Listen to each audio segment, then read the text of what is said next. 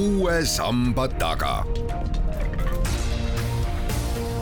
sammaste taha aitab vaadata sajaaastane eestikeelne rahvusülikool tere kuulama saadet, kus mikrofoni ette on tulnud eesti kirjanduse professor Aarne Merilai, keda usutlemas Madis Ligi ja me räägime nii erinevatest asjadest, nagu on kirjandus ja geenid, otsime nende ühisosa, sellepärast et see just professori töömaa ka on. millest selline huvi nii erinevate küsimuste vastu? Need on tõesti erinevad küsimused iseenesest, et ja, ja tekitab huvi küll, et kus kust see mõte tuleb, aga mõnes mõttes on asi lihtne, et no, no üks tugev osa minu tööst on tegeleda, tegeleda poeetikaga, uurida poeetikat, tähendab, et noh, kuidas, milline on kirjanduse sisemine mehhanism ja luuletuste sisemehhanism, mehhanism, et kuidas nad on komponeeritud, mis, mis reeglite järgi nad toimivad ja, ja siis sa märkad neid poeetilisi mudeleid ka väljaspool kirjandust väga kergesti. et nagu ütleme, poeetika küsimused või poeetilised mustrid on, on sügav, sügavamal kui ainult äh, luules vaid need on nagu mõnes mõttes üldisemad, üleüldisemad ja ja, ja kui sa vaatad nagu ütleme mingite geneetiliste mudelite peale, genoomide peale ja öö, siis sa märkad analoogilisi mustreid ka seal et siis ei ole ime, imekspandav, et ükskord tahad need asjad ka välja ütelda. järelikult siis enne teema kallale asumist tunnetasite, et seal on kattuvusi ja tasub minna jaa, komistasin selle idee otsa ikka juba võib-olla isegi rohkem kui tosin aastat tagasi ja ettevaatlikult ühes või teises kohas või mingi geneetikuga kohtudes isegi väljendasin seda ideed ja paari meili kirjutasin, aga no idee jäi veel ähmaseks ja mida ma tean geneetikast, ma olen ikkagi täielik võhik ja aga siis nüüd alles äsja mulle meenus, et ükskord oli üks ökokriitika rahvusvaheline konverents siin Tartus ja ka seal äh, ma väljendasin ideed, et äh, DNA eeliksid mulle väga kahtlaselt äh, meenutavad äh, poetikast tuttavaid mudeleid ja, ja et ma olen aeg-ajalt seda jutuks võtnud ühel või teisel puhul, aga nüüd, kui see Nobeli preemia anti, see on siis vist nüüd siis kaks aastat tagasi ja mis käis selle CRISPR-i eest, et geneetikud võib-olla teavad, sest seda terminit pärast me võime sellest ka rääkida, siis selle keskne väljapaistev mõiste on palindroom. No ja see on ikkagi otse poeetika õpikust, poeetika leksikonist laenatud mõiste, see on poeetika mõiste noh, ütleme sõnad, mida võid lugeda nii ühtegi kui pidi kui teistpidi, annavad sama välja, noh, Tenet film, eks ole, samamoodi palindroom edasi-tagasi liikumine korraga või usu mu musu runneli, et see on poeetika termin juba ja no siis ma vaatasin, et nüüd ei saa nüüd ei saa ikka nagu enam äh, vaike olla, et ma pean selle asja ära kirjutama ja need hüpoteesid välja tooma, et see ühisosa on lihtsalt niivõrd suur et kui juba poeetika leksikonist võetakse termin, siis ütleme, poeetikud puutuvad ka asjasse, kellel on võib-olla ühte-teist ütelda selle asja kohta. kas nüüdseks olete siis selle ühisosa elust nii-öelda lahti löönud, lahti kirjutanud, ära põhjendanud? ja enda seisukohast küll, et ma võib-olla isegi sügavamale ei kaevuks, et ma, ma tõesti veel kord ütlen, et ma ei ole ju ise geneetik, aga ma see, see pilt, mis avaneb, ma selle küll oma arvates päris ammendavalt olen ära kirjut-, kirjeldanud avaldasin sellest ka artikli Keeles ja kirjanduse poeetika erinumbris, mida ma just ise Maria-Kristina Lotmaniga koos toimetasime, et oli noh, motiivi siis see artikkel ka sinna manifestilaadsena ka kohe teha, aga ma selle põhjalt tegin ka ühe ingliskeelse artikli, kus ma isegi natuke üksikasjalisemalt seda võib-olla lahti seletan ja kus see idee on nagu võib-olla isegi veel ilmsem, et ma olen ära, jah, ära ütelnud, et ma ei teagi, kas mul on põhjust ja võimalust siin rohkem sügavamale, sügavamale kaevuda, et noh, mõnes mõttes nagu sai nagu üsna,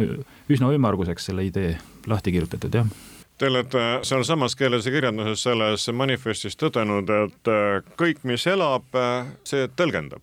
Aa, see on pigem nagu vist ka Kalevi Kullilt laenatud, laenatud lause, et biosemiootiliselt on see niimoodi jah, et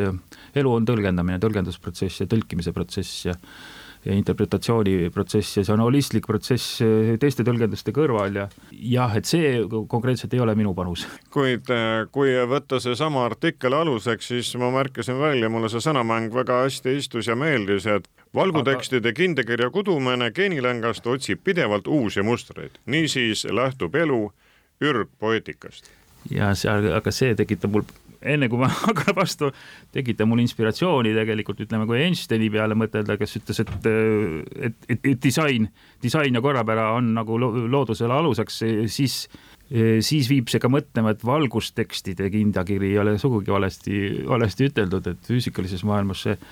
valguslained ja see kvantlainetus ja kvantmaailma rütmid on ju põhimõtteliselt sama, sama, sama küsimus. et no võime kuidagi nii ütelda, et kus, kus on korrapärased mustrid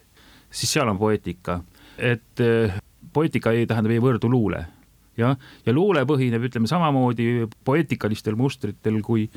kui mis, mis tahes muud mustrid, mis on elu aluseks või mis on ka eluta looduse aluseks, et seda, seda võib tõenäoliselt hüpoteetiliselt väita ja isegi uskuda seda, seda hüpoteesi, et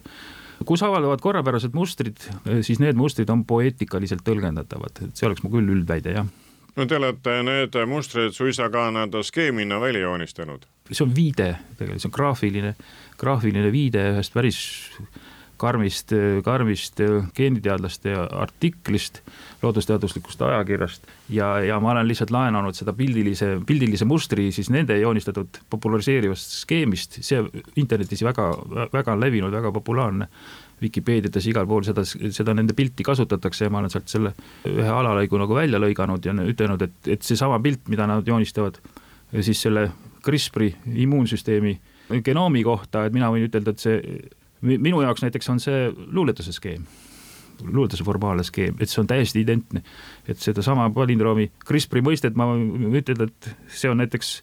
nende mõistete kaudu ma võin ütelda näiteks, et see sama hästi kirjeldab luuletust, kui seda, seda geneetilist objekti, millest nemad räägivad kas te olete siis pead kokku pistnud ka arstiteadlastega, et üks on kirjandusteadlane ja teine on meditsiini oma ja siis vahetate mõtteid, et kuidas see kirjandus ning geenid äh, suhestuvad? idee on olnud selles küll, aga äh, siis ja suvel siin augustis oli, oli Tartus ju see rahvusvaheline geenifoorum ja, ja seal mul nagu siis selles lisaprogrammis või lasti see ettekanne ka ära pidada, et seal oli vist üsna üle maailma üsna suur kuulajaskond ja, ja, ja natuke tagasisidet seal oli, eriti mulle ühes olulises punktis, aga oluliselt mitte, aga samas mõtted, et no mida neil, mida nad siis ost-, mõistavad selle peale ütelda, et võtavad siis arvesse, et on, aga see analüütiline, praktiliselt orienteeritud tõsine, tõsine teadlane, mis ta teeb selle, selle ideega, et need, et need mulle paistavad välja nagu luuletused, et noh, võetakse, võetakse omaks, et seda peade kokkupanemist veel ei ole olnud, aga mul on seal tõesti üks, üks idee, mida ma ei suuda edasi arendada, mis vajab nagu võib-olla niisugust konkreetsemat tagasisidet, aga see on filosoofiline või ma ei tea, teadusmetodoloogiline kuidagi väga üldine küsimus, et mis neil sellega teha on. ma arvan, et eriti midagi mitte et, et noh, niisugust peade kokkupanemist veel ei ole olnud, aga noh, ütleme oma vaatepunkti ma hea meelega seletan või näitan, kuidas see mulle välja paistab, see võib lihtsalt olla huvitav. aga teile kui kirjandusteadlasele, professorile on mm. ikkagi see, et, et kaks pealtnäha nii erinevat valdkonda jooksevad hästi nagu ühte sammu. ja see tõepoolest, see täiesti vaimustab, sinna ei ole midagi parada, see on, see on lihtsalt see on lihtsalt vaimustav ja see näitab muidugi seda ka, kuidas poeetika väga universaalne, tal on universaalne jõud, ega sellega siis ainult luuletusi ei tõlgenda, kogu kirjandust, suur osa reklaame on poeetilised, kunsti saab poeetika võtta, muusika on puhas poeetika, eks ole, taolised asjad, ja kus mingisugune rütmilisus või mingisugused taolised asjad ilmnevad seda saab kõike lihtsalt äh, poeetika mõistevõrguga, poeetikalise lähenemisega tõlgendada, analüüsida see lihtsalt on kirjeldatav, kirjeldatav poeetika terminites, et nii, mõnes mõttes nii lihtne see ongi. et kus on kuskil on mingisugune rütm, rütm mingisugune kvantiseeritud mingisugune lainete jada ja nii edasi, et äh, ma saan seda lihtsalt äh, ütleme luuleteoreetikuna oma mõistetes ka ühtlasi kirjeldada või teatud üldisel kirjeldusastmel muidugi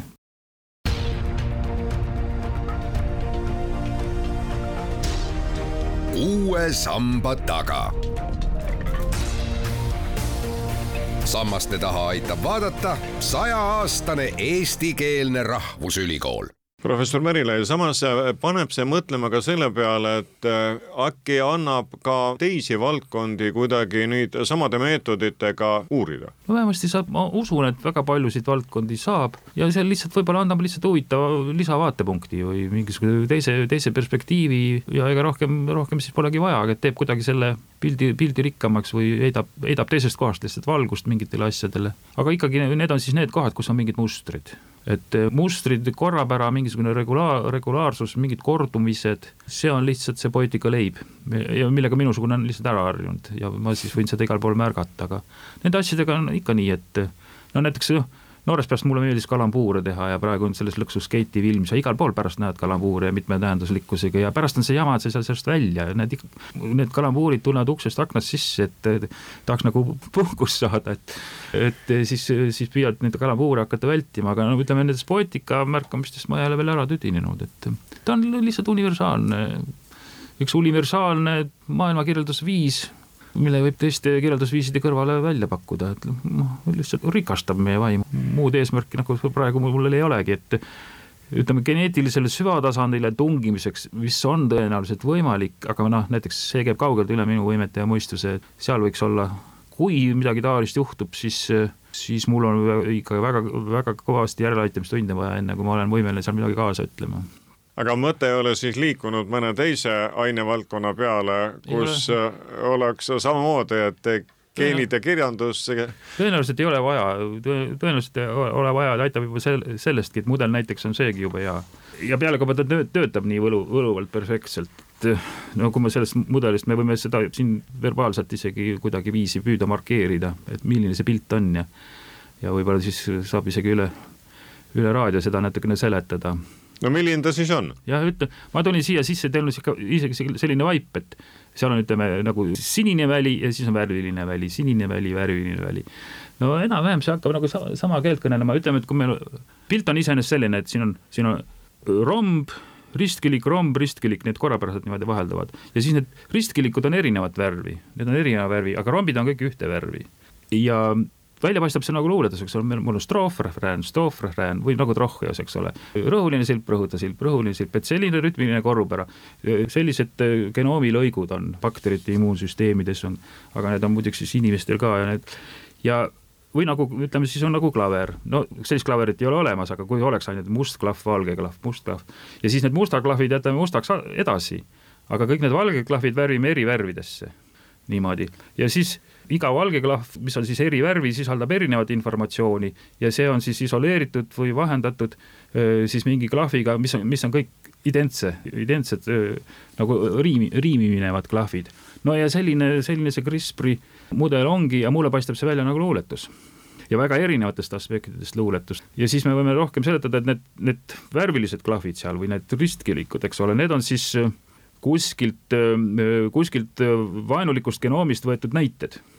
noh, kuskil on, organismi on rünnanud mingisugune, mingisugune viirus või bakter, sealt võetakse, saadakse tast jagu või võetakse sealt näidist, pannakse raamatu kokku. teisest haigusest teine näidis, kolmandast kolmas näidis ja need hoitakse nagu tallel ja siis, kui, siis kui jälle keegi ründab organismi, siis minnakse sinna raamatukokku, rakk läheb sinna raamatukokku ja valib vastava näidise, tunneb selle ära ja siis minnakse, tuntakse selle ära ja siis selle äratundmise järgi minnakse, rünnatakse seda, seda vaenlast ja lõigatakse need tükkideks niimoodi, et see on tegelikult siis samal ajal ka nagu raamatukogu või mingisugune leksikon või kataloog, kus on tallel siis mingi informatsioon ja muidugi sinna vahele isolaatoreid vaja, eks ole, et need omavahel segamini ei lähe. ja need isolaatorid on kõik identsed ja nad moodustavad, reaalsuses moodustavad nagu mingisugused nõelapäid või seenekesi. ja siis need seenekesed paistavad nii-öelda noh, keemilistele silmadele öö, kaugelt silma ja nende vahelt on siis hea lõigata see näidis ära, seda, siis kasutada äh, siis selles äh, agressorite vastases vastu, vastupanus ja nüüd inimesed on õppinud seda siis kasutama. Ja siis nad lõika, saavad siis ise niimoodi väga osavalt siis neid genoome lõigata, sealt tükke ära lõigata ja siis saata, saata äh, siis organismi siis neile vajalikke geene, mis asendavad haigeid geene ja nii edasi. aga siis see CRISPR-i kirjeldus, mida ma siin kirjeldasin, et rombid ja erineva infoga ruudud, et see lihtsalt sarnaneb luuletuse formaalsele kirjeldusele ja siis see allub, allub väga hästi eh, siis sellele poeetika mõistevõrgu alusel tehtud tõlgendusele ja praktiliselt nagu kõik olulised poeetika terminid on rakendatavad. noh, näiteks nagu ma ütlesin, ütleme see, see näidis, ütleme näidis mingisugusest, mingisugusest viiruse genoomist, see on see näidis, see on näiteks oma ema, ema genoomiga näiteks metonüümilises osaterviku suhtes, need on sünektohid, eks ole. seal on kordused, kordused, intervallid, lühidused, pikkused akumulatsioonid, kobaratesse koondumised ja nii edasi, et noh, kõik see, mis juhtub luuletustes ja millega me oleme ära harjunud või selle formaalse seletamisega tuleb välja, vaatab siia peale, töötab tegelikult ka siis ähm, geneetilisel tasemel. DNA eeliksid ja kiastid, tuleb jäämeri, jääb tulemeri, kus on üks ja kuidas nad tagasisidestav või ennast äratundev mehhanism, mis on tegelikult kõige olulisem, kus üldse poeetika nagu algab asi ei ole ainult siis selles sõnaraamatus, poeetika sõnaraamatus, see on minu meelest siis ka kõige olulisem, et kuidas kuidas tekst tunneb iseennast ära, et ta suudab ennast identsena kopeerida ja nii edasi. see on väga tugev luule tunnus, tähendab, et luuletus räägib ju võib-olla vähem sellest, millest ta räägib, kui ta räägib sellest, et ta on luuletus. seal on nagu kaks noolt, eks ole, see referentsiaalne nool ja teine on enesele osutav nool. ja see enesele osutav omadus on minu meelest kõige põnevam omadus, aga mina ei oska sellega midagi teha, aga nii palju sealt geenifoorumi tagasisidest mulle ka selgus, et, et tuleb välja, et see on väga oluline siiski ikkagi geneetiliselt just see tagasisidestav, ennast äratundev mehhanism ja sellega võib-olla on isegi kunagi potentsiaalselt võimalik midagi praktiliselt teha oleks minu hüpotees või lootus, et siis läheb asi tõsiseks ja siis minu võimed muidugi ütlevad üles. luuletustega juhtub kohe see, see asi veel, et kui see tagasisidestamine toimub, siis see algmaterjal tundmatuseni võib isegi muutuda, et seda algpositsiooni ei tunne isegi enam ära. Ja midagi taolist pidi olema ka geneetikas, aga no siin ma nüüd natukene juba ületan oma, oma volitusi, aga oletus on selles. Aga tänase jutu kokkuvõtteks võime siis öelda, et poeetika on geenides, see on fakt. see on fakt ja minu seisukohast on see fakt, aga ma tahaks võib-olla ka täpsustada siis selles mõttes, et mitte luule ei ole geenides, eks ole, vaid et kuskil on nii-öelda ürgpoeetika, millel põhineb osaliselt, mitte täiesti, osaliselt, eks ole, põhineb siis genoomide kokkupanek ja sellel samal ürgpoeetikal põhineb luule kokkupanek ja ma ei väida, et et kuidagiviisi luule või luuletused on aluseks geneetikale, et kuskil on see ürg, niisugune ürgpoeetiline funktsioon, mille tulemuseks on nii genoom, vähemasti see CRISPR genoom, kui ka näiteks luuletus. aitäh teile, Eesti kirjanduse professor Aarne Merilai, küsija oli Madis Ligi.